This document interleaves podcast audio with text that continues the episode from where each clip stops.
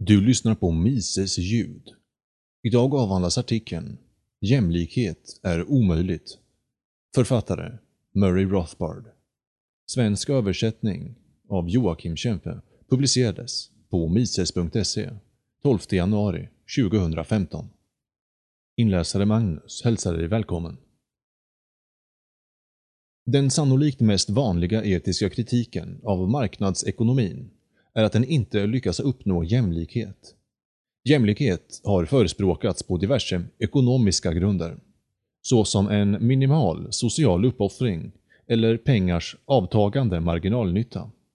Men på senare tid har ekonomer insett att de inte kan rättfärdiga egalitarism med hjälp av ekonomi och att de är i digert behov av en etisk grund för sin strävan efter jämlikhet. Ekonomi, eller praxeologi, kan inte fastställa etiska ideals giltighet, men även etiska mål måste framställas meningsfullt. De måste vara internt konsekventa och konceptuellt möjliga, och än så länge har inte rimligheten i strävan efter jämlikhet testats på ett tillbörligt sätt. Det är sant att många invändningar har förts fram som får egalitärerna att tänka om.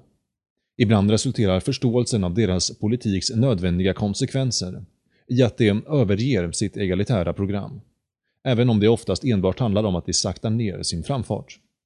Sålunda kan vi säga att tvingande jämlikhet kommer att kväva incitament, eliminera marknadsekonomins anpassningsprocess, förstöra all effektivitet i tillfredsställande av konsumentönskemål, kraftigt reducera kapitalbildning och resultera i kapitalkonsumtion. Allt detta innebär ett kraftigt fall i levnadsstandarden Vidare är enbart ett fritt samhälle kastlöst och endast frihet tillåter att inkomster skiftar i enlighet med produktiviteten. Etatism, å andra sidan, kommer sannolikt att frysa ekonomin i en form av icke-produktiv ojämlikhet. Men dessa argument är inte tillräckligt, även om de är starka. Vissa människor kommer att söka jämlikhet ändå. Många kommer att ta hänsyn till dessa invändningar genom att nöja sig med lite lägre levnadsstandard för högre jämlikhet. Inom alla diskussioner om jämlikhet tas det för givet att jämlikhet är ett eftersträvansvärt mål. Men detta är långt ifrån uppenbart, eftersom jämlikhetsmålet i sig står inför ett stort problem. Praxeologin härleds från tre universellt accepterade axiom. Det huvudsakliga axiomet är existensen av målmedvetet mänskligt handlande. De två kompletterande postulaten, eller axiomen, är att det existerar en mångfald av mänskliga färdigheter och naturresurser, och att arbete inte utförs för arbetets skull. Även om det är möjligt att skapa en ekonomisk teori om ett samhälle utan dessa två kompletterande axiom, men fortfarande med det huvudsakliga axiomet, inkluderas det så att vi kan begränsa vårt teoretiserande till lagar som kan appliceras direkt på verkligheten. De som är intresserade av att formulera en teori som kan appliceras på fullständigt utbytbara och identiska människor är välkommen att göra det. Mänsklighetens mångfald är ett grundläggande postulat om vår förståelse om mänskliga varelser.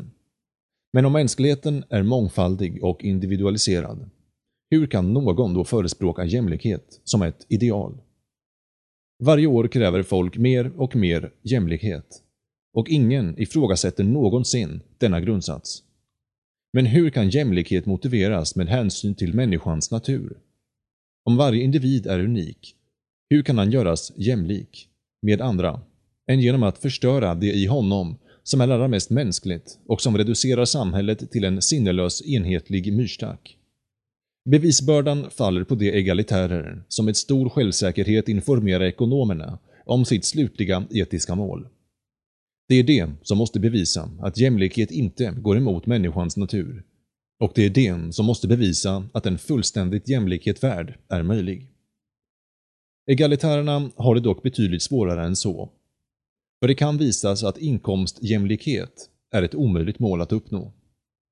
Inkomster kan aldrig vara jämlika. För det första måste vi se på inkomster i reella termer och inte enbart i penningstermer. Annars skulle det inte vara tal om sann jämlikhet. Men reella inkomster kan aldrig någonsin vara jämlika. För hur kan en New York-bos uppskattning av Manhattans skyline göras jämlik med en indiers?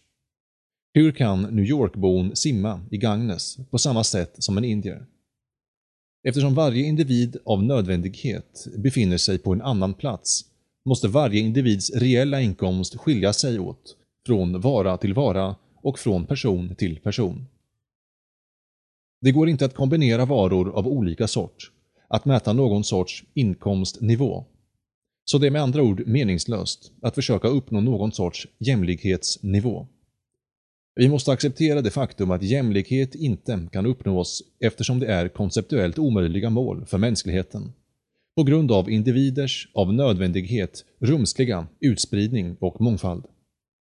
Om nu jämlikhet är ett absurt och därför irrationellt mål, måste alla försök att uppnå jämlikhet vara lika absurda. Om ett mål är meningslöst, måste alla försök att uppnå det vara lika meningslösa. Många människor tror att även om inkomstjämlikheten är ett absurt ideal, kan det ersättas med idealet att alla ska ha samma möjligheter. Detta är dock precis lika meningslöst som det tidigare konceptet. Hur kan New York-bons och indiens möjlighet att segla runt Manhattan eller att simma i Gagnes göras jämlika? Människans oundvikliga rumsliga utspridning gör det omöjligt att göra möjligheter jämlika. Blom och Calvin begår ett vanligt misstag då de påstår att rättvisa innebär jämlika möjligheter och att denna jämlikhet kräver att de tävlande börjar på samma plats så att spelet kan vara rättvist. Det mänskliga livet är dock inte någon sorts tävling eller spel där alla personer måste börja från samma plats. Det är ett försök att göra varje människa så lycklig som möjligt. Alla personer kan inte heller börja från samma startpunkt. För världen har inte just skapats. Den är full av mångfald och dess delar existerar i en oändlig variation. Blott det faktum att en individ av nödvändighet föds på en annan plats än någon annan innebär omedelbart att hans ärvda möjlighet inte kan vara likadan som hans granne. Att sträva efter att möjligheter ska vara jämlika innebär också en strävan efter att avskaffa familjen eftersom olika föräldrar har olika färdigheter. Det skulle krävas att samhället fostrade barnen. Staten skulle vara tvungen att nationalisera alla barn och fostra dem i statliga daghem under jämlika omständigheter. Men inte ens under sådana omständigheter skulle vi kunna tala om jämlikhet eftersom olika statstjänstemän i sig skulle ha olika färdigheter och personligheter. Dessutom kan jämlikhet aldrig uppnås på grund av den nödvändiga platsskillnaden. Egalitären kan alltså inte längre tillåtas att avsluta alla diskussioner med att påstå att jämlikhet är det slutliga etiska målet. Han måste först och främst ställas inför alla de samhälleliga och ekonomiska konsekvenser som detta skulle innebära och vara tvungen att visa att det inte går emot människans natur. Han måste motbevisa argumentet att människan inte har skapats för en tvångsmässig myrstacks existens. Slutligen måste han erkänna att målen om att inkomst och möjligheter borde vara jämlika är konceptuellt orealiserbara och således absurda. Av denna anledning är alla försök att uppnå dem lika absurda. Egalitarism är bokstavligen talat en vettlös samhällsfilosofi. Dess enda meningsfulla formulering är målet om jämlik frihet, som formulerades av Herbert Spencer i den välkända skriften Law of Equal Freedom. Citat. Alla människor har frihet att göra allt han vill, så länge han inte inskränker samma frihet hos andra. Slutcitat. Detta mål försöker inte göra alla individers totala tillstånd jämlikt, vilket är fullkomligt omöjligt, utan det förespråkar frihet. Det vill säga det tillstånd där en människa och hennes egendom inte utsätts för tvång. Dock har även denna jämlikhetsformulering många felaktigheter och vi borde förkasta den. För det första öppnar den dörren för tvetydlighet och egalitarism. För det andra förutsätter jämlikhet att det existerar mätbara, fastställda och extensiva enheter. Jämlik längd betyder att det existerar en objektiv bestämbar enhet. När vi studerar mänskligt handlande, oavsett om det har att göra med praxeologi eller samhällsfilosofi, existerar det ingen sådan kvantitativ enhet och således kan denna jämlikhet aldrig existera. Det är betydligt bättre att säga alla människor borde ha X än att säga att alla människor borde vara jämlika med avseende på X. Om någon vill uppmana människor att köpa en bil säger han att alla människor borde köpa en bil. Han säger inte att alla människor borde ha jämlikhet med avseende på bilköp. Användandet av termen jämlikhet är omständigt och dessutom missledande. Slutligen har Clara Dixon Davidson redan poängterat att Spencers lag om jämlik frihet är överflödig.